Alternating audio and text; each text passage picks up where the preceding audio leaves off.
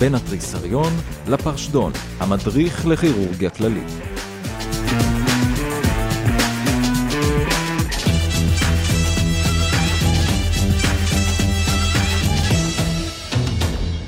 ברוכים הבאים לעוד פרק של הפודקאסט שלנו, אני כאן עם דוקטור עמיאל.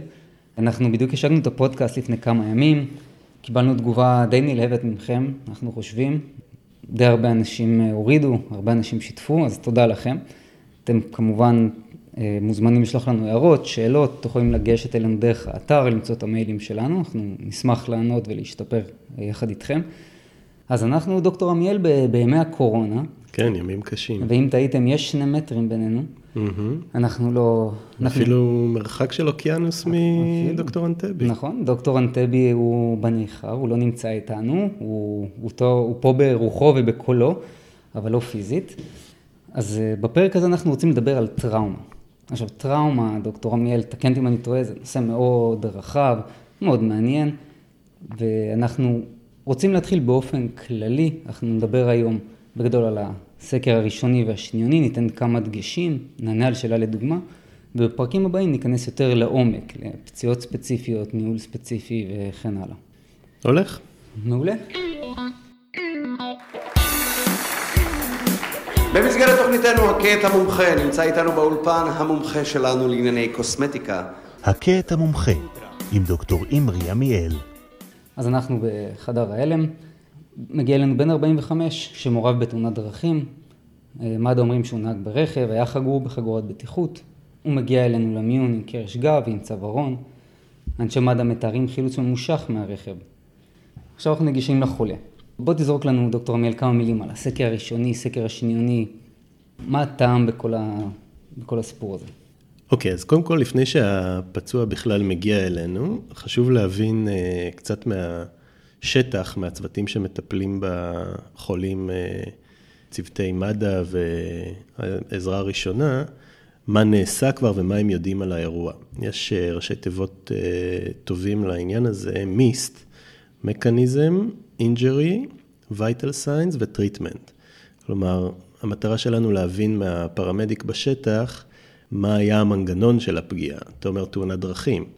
חשוב לדעת אם הוא היה נהג, איפה הוא ישב ברכב, האם הוא נמצא בתוך הרכב, האם הוא עף מהרכב, האם היו, הוא היה חגור, האם נפתחו כריות אוויר, כל הדברים האלה חשובים לדעת כדי להבין את עוצמת הפגיעה וה, אה, והמערכות שנפגעו. מבחינת האינג'רי, אנחנו רוצים לדעת אה, מהפרמדיק מה, מה הוא כבר ראה על, ה, על המטופל, כלומר, אם הוא ראה פגיעות ברורות, פגיעת ראש, פגיעת חזה, בטן, גפיים וכולי. מבחינת ה-vital signs, אז כמובן לדעת מה היו המדדים של המטופל בשטח ולאורך הפינוי, וכמובן איזה טיפול הוא קיבל. דגש על אה, פרוצדורות מצילות חיים שנעשו, על תרופות שהוא קיבל. הרבה פעמים אנחנו נקבל פצוע שכבר קיבל אה, איזושהי סדציה בשטח, למרות שהוא נמצא בהכרה מלאה. אז כל הדברים האלה הם מאוד חשובים לדעת, וזה חלק מהעברת המידע שחשובה בכל אירוע מסוג כזה. וגם נגיד אה, עוד מילה על, אה, על ההכנות שצריך לעשות לפני שמגיע פצוע. כלומר, יש קריאה לצוות טראומה שכולל אה, רופא ואחות ומנהל אירוע ומרדים ועוד רופאים מדיסציפלינות שונות בהתאם לפציעות השונות שאנחנו מקבלים על המטופל מהשטח. מכינים ציוד, מחממים את החדר, פותחים חלק מהערכות, אם יש כבר דברים שהם ברור שאנחנו הולכים לעשות אותם, מכינים את, אה, את ההדמיה, מכינים את חדר ניתוח אם צריך, מכינים את בנק הדם, וכל הדברים האלה זה מנגנון מתוזמר שמופעל מהרגע שיש קריאה מהשטח על פצוע. ואז ניגשים לטיפול. הפצוע מולנו, קיבלנו את כל המידע שאנחנו צריכים מהצוות המטפל, ואז אנחנו ניגשים לטיפול, ועכשיו תכף דוקטור עמיאל יעבור על הסקר הראשוני, רק צריך להבין שהסדר של ה-ABCDE בעצם, זה הגישה שלנו מטופל על פי הפציעות שיכולות לסכן את החיים שלו ראשונות בעצם, כי airway יהרוג מטופל, סליחה, פצוע במקרה הזה יותר מהר מאשר breathing, circulation וכן הלאה. עוד עיקרון חשוב זה שבסקר הראשוני אנחנו מתערבים בכל בעיה שמתגלה לפי ה-ABC. כלומר, אם יש בעיה בשלב ה-A, והחולה צריך אינטובציה, אנחנו צריכים לעצור את הכל לעשות את האינטובציה ולא לחכות עד לסוף הסבב כדי אה, להגיע לטפל בבעיה הזאתי. והעיקרון האחרון הוא שכל פעם שיש שינוי במדדים של הפצוע או הידרדרות במצב, אנחנו צריכים לחזור אחורנית עד ההתחלה ולהתחיל את הסקר מחדש. אלה הם עקרונות חשובים כשאנחנו באים לבצע את הסקר הראשוני, את ה-primary survey, על פצוע טראומה. אוקיי, okay, אז עכשיו אנחנו ניגשים למטופל ואנחנו מתחילים את הסבב. אנחנו נתחיל מ-A, מ-Airway. כן, Airway ו-C-Spine Control. לא לשכוח את החלק הנוסף הזה, כי כל מנוברה שאנחנו נרצה לבצע על דרכי האוויר של המטופל, והיה ויש לו פגיעה בעמוד שדרה צווארי, עלולה לסכן את היציבות ועלולה לגרום לפגיעה נוירולוגית. לכן אה, חשוב לאורך כל השלב A לקבע טוב את עמוד השדרה הצווארי, גם בעזרת אה, צווארון או הדווייס וגם אה, בצורה מנואלית. וצריך להתרשם בעצם מדרכי האוויר של החולה. אם הפצוע בהכרה ומדבר איתנו, אז דרכי האוויר שלו הן פתוחות.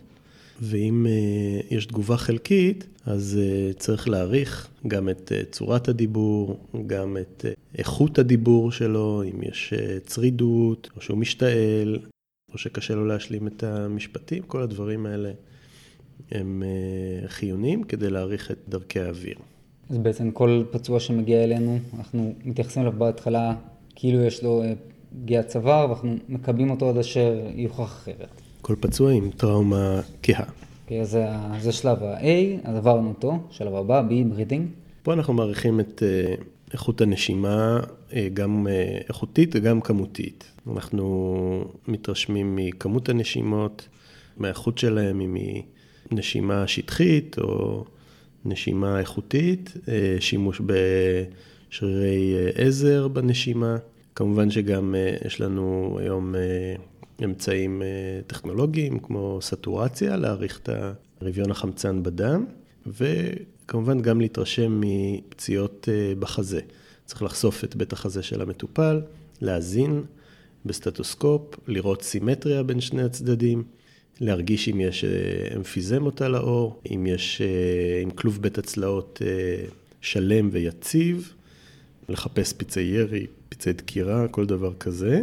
עוד בהקשר הזה, צריך להגיד שגם צריך להעריך את הצוואר של המטופל, זה אפילו בשלב ה-A. כלומר, אם הוא מגיע מכוסה עם הדווייס וצווארון, צריך להוריד את הדברים האלה, אפילו זמנית, לפחות את החלק הקדמי של הצווארון, להתרשם מגודש ורידי צוואר, ממרכזיות הקנה, מאיזושהי פציעה בצוואר, ואם הכל אה, שלם ותקין, אז להחזיר את החלק הקדמי של הצווארון ולאבטח את הצוואר של המטופל. אני חושב שטיפ שעוזר אה, לסטודנטים, בעיקר כשהם ניגשים לזה בהתחלה, זה לזכור דבר ראשון אה, שיש הרבה מקום פה להסתכלות, אז אה, זה תמיד תשובה טובה, אתם תסתכלו, אתם תבחנו, אתם רואים שבטח הזה עולה או יורד, וב-A גם הדגש הוא, וציינו את הפגיעה המקסיו-פסיאלית, אבל אם יש איזושהי פגיעה של מערבת אולי כוויה, לראות שאין סביב הפה איזשהו פיח או סימנים ראשונים של כוויה, שהם גם יכוונו אותנו לכיוון של assisting. תודה לך, דוקטור אנטבי.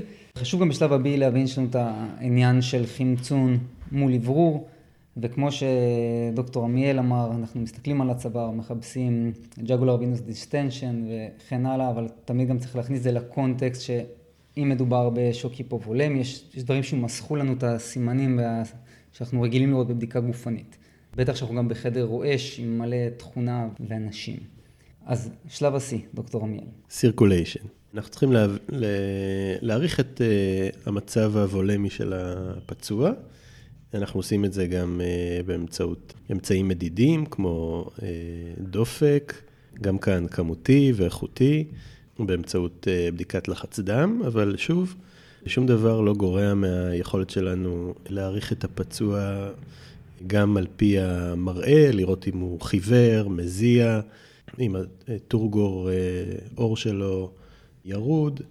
כל הדברים האלה הם uh, תומכים בהערכה שלנו במצב ההלם שלו, וכמובן לטפל בגורמים שגורמים להלם, אם זה הלם המורגי, אז לעצור את הדימום, דימום חיצוני לפחות, שאנחנו יכולים לראות אותו, וגם uh, להתחיל uh, לתקן את מצב ההלם על ידי החזר של אה, נוזלים ומוצרי דם.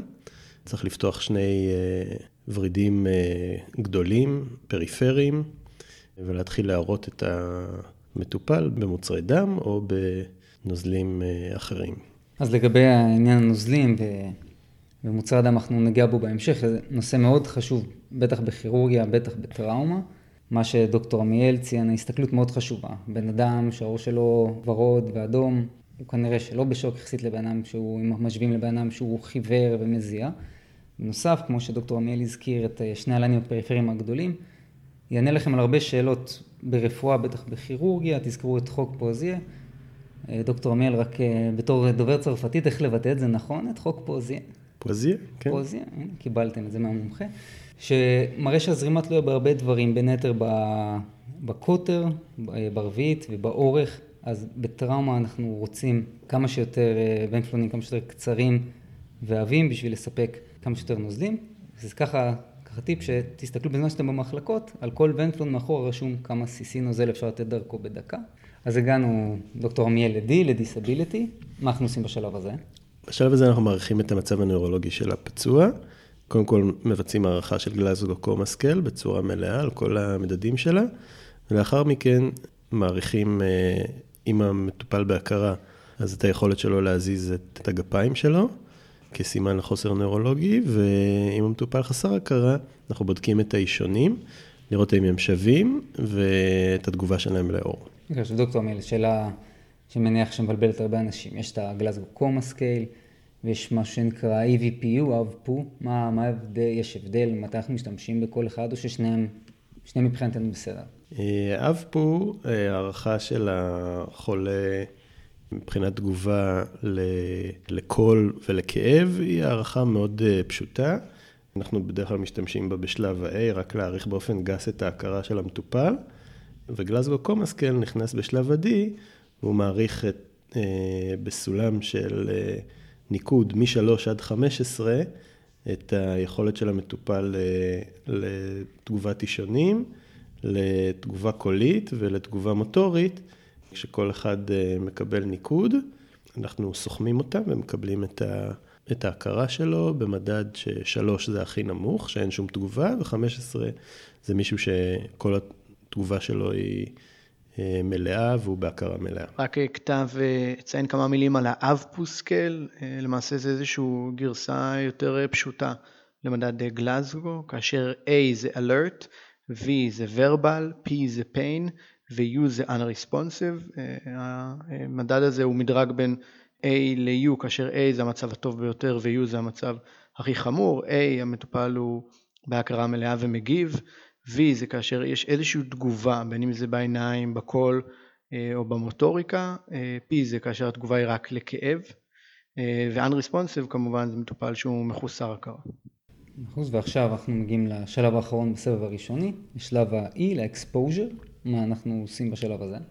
exposure ו-environmental control, כלומר, מצד אחד צריך להפשיט את המטופל באופן מלא, לא להשאיר עליו שום בגד, וגם להפוך אותו, אה, כדי לראות אה, את החצי גוף שלא סקרנו עד עכשיו.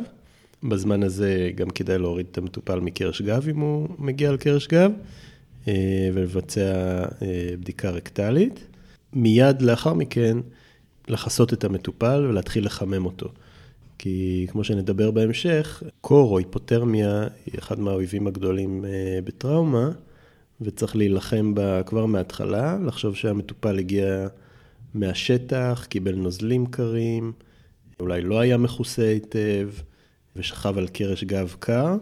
אז צריך להתחיל אה, לחמם אותו בכל האמצעים שיש לנו, אם זה נוזלים חמים, אם זה שמיכות חמות, אם זה מנורות חימום, אם זה חימום של חדר הטראומה, ובזה לסיים את הסקר הראשוני. אתה תיארת את זה, בעצם אנחנו תיארנו את זה בצורה מאוד מובנית, A, B, C, D, E. במציאות, בפועל, כל הבלגן שיש בחדר הטראומה, בחדר ההלם, אנחנו כמה מקפידים שזה מסודר, האם זה קורה במקביל. אז ה-ABCD אה, לקוח מתוך תורת ה-ATLS, ה-Advanced Trauma Life Support, שנכתבה בארצות הברית בשלהי שנות ה-70, והיא מסדרת לנו את הדברים בצורה מאוד אה, ברורה, ויש פה מתודולוגיה מאוד אה, נכונה, אבל צריך לזכור שה-ATLS נכתב לרופא בודד, שבדרך כלל נמצא באיזה בית חולים שכוח אל באמצע ארצות הברית, ואנחנו כשאנחנו עובדים, בטח בישראל ב-2020, בחדרי אה, טראומה שהם מאובזרים היטב וגם יש בהם אה, צוותים מאורגנים וגדולים שיכולים לתת את כל הטיפול הזה במקביל. כלומר, מישהו אחד אמון על ה-A וה-B, מישהו אחד אמון על ה-C, מישהו אחד עושה הפשטה וכן הלאה, והדברים יכולים להתבצע במקביל כשאנחנו עובדים בצוות. עדיין המתודולוגיה נשמרת, ויש מישהו שהוא ממונה להיות אה, בעצם מנהל הצוות ולאסוף את כל המידע מכל הרופאים והאחיות שעושים את הסקר הראשוני, ולהחליט מתי צריך לעצור ולטפל, מתי אפשר להתקדם הלאה וכולי. אז סיימנו עם הסבב הראשוני, מה השלב הבא? אנחנו מיד קופצים לסבב השניוני, יש משהו שצריך לעשות בין לבין. אז לסבב הראשוני יש מספר אה, נספחים, נקרא לזה, ב-ATLS נקראים adjuncts. בעצם דברים שאנחנו צריכים לעשות בחדר ההלם, שהם לא חלק מהבדיקה, אה, גופנית בעצם, אה, שמרכיבה את הסקר הראשוני, וזה אה, בדרך כלל כולל צילום חזה, שנעשה בחדר ההלם, אה, ולפעמים גם צילום אגן, אם יש לנו חשד שיש אה, שבר אגן לא יציב. לאחר מכן צריך להשלים אק"ג, הכנסה של קתטרים כאלה ואחרים, וניתן להשלים גם פאסט בחדר ההלם. פאסט זה בעצם Focus Assessment Sonography of Trauma. נכון, זה כלי שמשמש אותנו לוודא האם יש נוזל בחלל הבטן במטופל שהוא לא יציב. וזה ייתן לנו אינדיקציה האם המטופל מדמם בבטן והאם הוא זקוק לפרוטומיה דחופה. אז עשינו את הסבב הראשוני ואת ה adjunct, שלב הבא. השלב הבא הוא נקרא רסוסיטציה, בעצם ייצוב של המטופל. חלק מהחולים צריכים ייצוב של אה, דרכי האוויר, של הנשימה שלהם, של מצב ההלם שלהם. בשלב הזה אנחנו משלימים טיפולים תרופתיים שהמטופל זקוק, לה, זקוק להם, ואז בעצם צריך אה, לקבל החלטה מה היעד הבא של המטופל. כלומר, אה, האם הוא צריך לצאת מחדר ההלם כי הוא יציב ולא זקוק לעוד טיפול, או האם אנחנו צריכים להעמיק את, ה, את הבדיקות, לדוגמה לבצע CT כלשהו, או צילומים כלשהם, ובהמשך איזה טיפול הוא צריך. האם הוא צריך טיפול אה, ניתוחי או ניטור צמוד, לקבוע איפה הדברים האלה יתבצעו ולהוביל את החולה לשם. על פי הפרוטוקול, לפחות פצוע שהוא לא יציב, אנחנו נעשה לו FAST. פצוע שהוא יציב, אנחנו בהכרח נתקדם ל-CT? תלוי בפציעה שלו.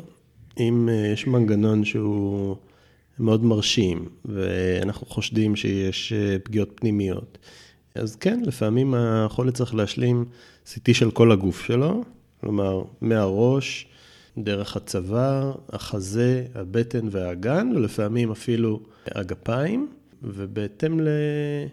לחשדות שלנו לשלול או לאמת אה, פגיעות מסוימות. אני חושב שהדגש על הפאסט, אה, בעיקר בשביל הסטודנטים, זה לזכור שבאמת אם צריך אה, לחדד את זה, מחפשים נוזל חופשי או בבטן או בפריקרדיום, כשנוזל יכול להיות, כמו שציינו, דם בטראומה, גם יכול להיות שתן או מיימת או נוזל אחר.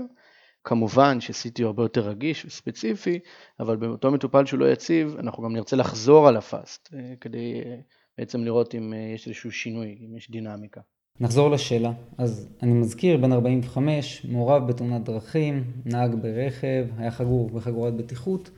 הגיע אלינו עם קרש גב וצווארון, אנשי מד"א מתארים חילוץ ממושך מהרכב, החולה בהכרה, מדבר איתנו, מתלונן על כאבי בטן, מבחינת מדדים, דופק 100, לחץ דם 100 על 70, ואז מראים לנו תמונה אה, של הבטן ושל של החזה שלו, ומה אנחנו רואים פה בתמונה, דוקטור עמיאל? מה, מה בולט בעיקר? ישנו סימן חגורה על הבית חזה והבטן של המטופל. כלומר, אנחנו מבינים שהוא היה אה, חגור ברכב. סימן חגורה הוא אה, בעצם סימן אזהרה, גם עוצמת המנגנון פה היא משמעותית, ואנחנו צריכים לשלול שאין פגיעות פנימיות בבית החזה ובבטן של המטופל. הוא באמת מביא אותנו פה למזלג ההחלטות בטראומה כהה, במטופל שהוא יציב חלקית או בקושי יציב, האם אה, לגש, לעשות FAST אה, כאופציה ראשונה, או להתקדם ל-CT. אז אם, המת... אם אנחנו מתרשמים שהמטופל אינו יציב המודינמית, אה, שמבחינתנו מדובר על לחץ דם מתחת ל-90 סיסטולי, אז הדבר הבא שנעשה זה יהיה בדיקת FAST, לשלול נוזל חופשי בחלל הצפק. ואם הוא מדגים יציבות במשך הזמן הטיפול בחדר ההלם, אנחנו נתקדם איתו לבדיקת אה, CT של החזה והבטן. אז בעצם המטופל הזה עם המדדים ש... שהציג לנו, הגיע שוב עם אה, דופק 100 ולחץ דם של מעל 70, למציינים שלאחר נוזלים. הדופק שלו הוא 92, לחץ דם 120 על 70, נושם 10 נשימות בדקה, בעצם הוא יציב. אז אנחנו נתקדם ל-CT במקרה הזה. כן. ומראים לנו פה תמונת CT. ב-CT אנחנו רואים שיש בעצם קרעים בפרנכימת הכבד. רק לציין, אנחנו, יהיה לנו שוב, כמו שציינו בהתחלה, יהיה לנו פרקים שבהם נדבר באופן יותר מעמיק על סוגי הפציעות האלה. איך אנחנו מטפלים בחולה הזה, דוקטור עמיאל? הוא יציב, יש לו את ה-CT שמראה אה, קרעים נרחבים בכבד. מדובר פה עדיין בפציעה קשה, אנחנו רואים פה פגיעה די נרחבת בפרנכימה של הכבד, וזה מטופל שעלול אה, בעצם אה, להידרדר בכל רגע. המטופל הזה צריך השגחה מאוד צמודה, והמקום המתאים למטופל כזה זה בטיפול נמרץ, שבו ניתן לנטר באופן מאוד מדויק את המצב ההמודינמי שלו, ואנחנו נעש, נעשה את כל ההכנות, אה, שאם נידרש לכך, החולה יוכל להגיע לחדר הניתוח בדחיפות, כלומר, להודיע לחדר הניתוח, להכין אה, מוצרי דם למטופל, ולאשפז אותו עם אה, ניטור ועם טיפול בנוזלים ומוצרי דם ובדיקות תכופות במחלקה לטיפול נמרץ. דוקטור עמיאל, אני רוצה שנדבר על נושא שהיווה מוקד לקטטות וחילופי מהלומות מילוליות בין הרבה טראומטולוגים, והוא הנוזלים. עכשיו, ברור לכולנו שזה נושא סבוך, בטח כדי לענות עליו עכשיו פה בכמה דקות, אבל ב setting שאנחנו יושבים במבחן מול מספר כירורגים, והם שואלים אותנו על מתן נוזלים בטראומה. אז איזה נוזלים לתת, למה, כמה? זה מאוד תלוי בסוג השוק שהמטופל אה, סובל ממנו. לגבי שוק המורגי, אנחנו יכולים להגיד בבטחה שהנוזל הכי טוב שצריך פצוע מדמם זה דם, ובמיוחד דם מלא.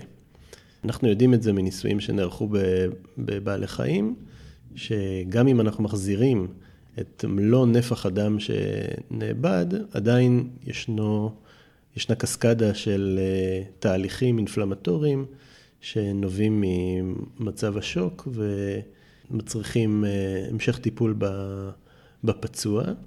הבעיה מתחילה כשאדם לא זמין. אה, אם אנחנו נמצאים בשטח או במתקן רפואי שאין בו דם זמין, וגם אם אנחנו נמצאים בבית חולים גדול, לרוב אדם אה, נשמר בצורה שבה מפרידים את המרכיבים השונים. כדוריות אדומות, פלזמה, תסיות בנפרד וקריו. ולכן אנחנו צריכים להחזיר את המוצרים במקבצים של אחד לאחד לאחד. כלומר, על כל מנת דם לתת מנת פלזמה ומנת תסיות. ככה גם מסודר אה, הפרוטוקול למתן דם מסיבי. שכשאנחנו מפעילים אותו, בנק הדם שולח לנו דם אה, בצברים אה, ששומרים על העיקרון הזה. עדיין, צריך להגיד, גם בספרות המקצועית, מצדדים במתן של אה, נוזלים קריסטלואידיים כבעצם איזושהי עזרה ראשונה, טיפול ראשוני למטופל. זה גם נובע מזה שבסטאפ בדרך כלל אין דם ברגע אפס, כי כדי לתת דם למטופל, אנחנו צריכים לעשות אה, גם אה, בדיקת סוג, שלוקחת מספר דקות, וגם בדיקת הצלבה לנוגדנים, שלוקחת אה, אפילו עשרות דקות. אבל אם אנחנו נמצאים במקום שבו יש דם אוניברסלי, מסוג O פלוס, אם זה גבר ו-O מינוס, אם זאת אישה בגיל הפוריות, צריך לתת דם כמוצר ראשון. ברוב המקומות לא יהיה לנו את זה זמין, ואנחנו כן נצטרך לתת נוזלים קריסטלואידים, כמו שכתוב בספר, בין 1 ל-2 ליטר, אה, דרך שני הוורידים הגדולים שפתחנו, כשנרצה לתת תמיסה שהיא איזוטונית או היפרטונית ביחס לדם, ושתהיה כמה שפחות אה, חמוצה מבחינת ה-pH. הנוזל שהכי מצטטים אותו הוא ההרטמן, שעומד בקריטריונים האלה.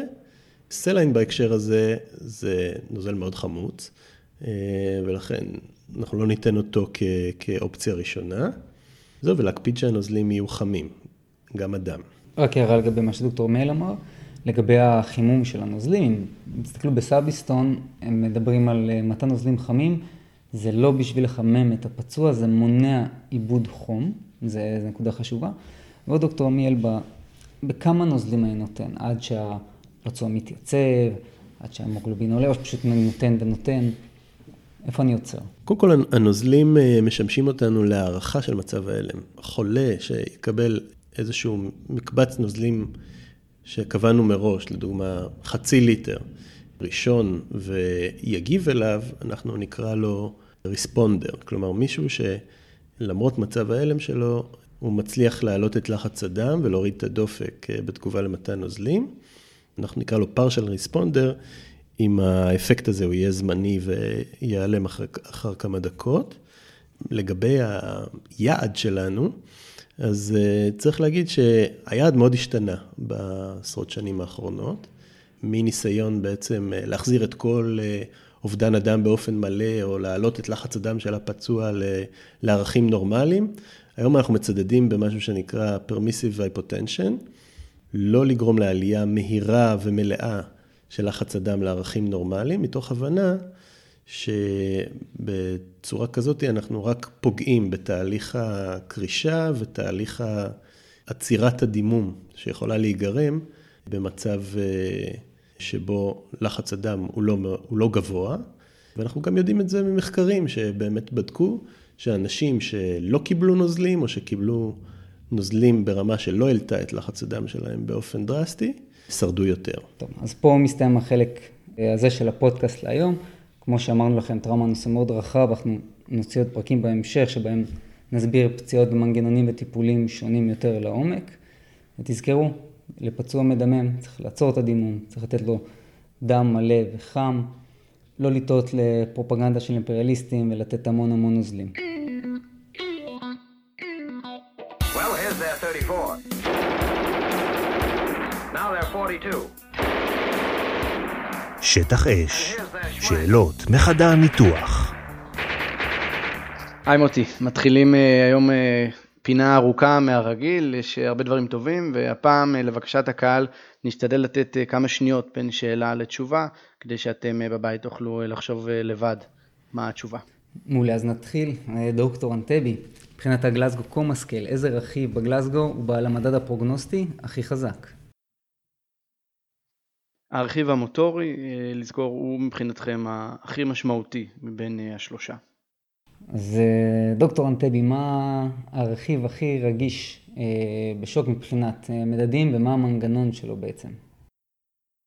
הרכיב הראשון שלפי ה textbook אנחנו אמורים לראות כשהמטופל נכנס לשוק זה צמצום של ה pulse pressure.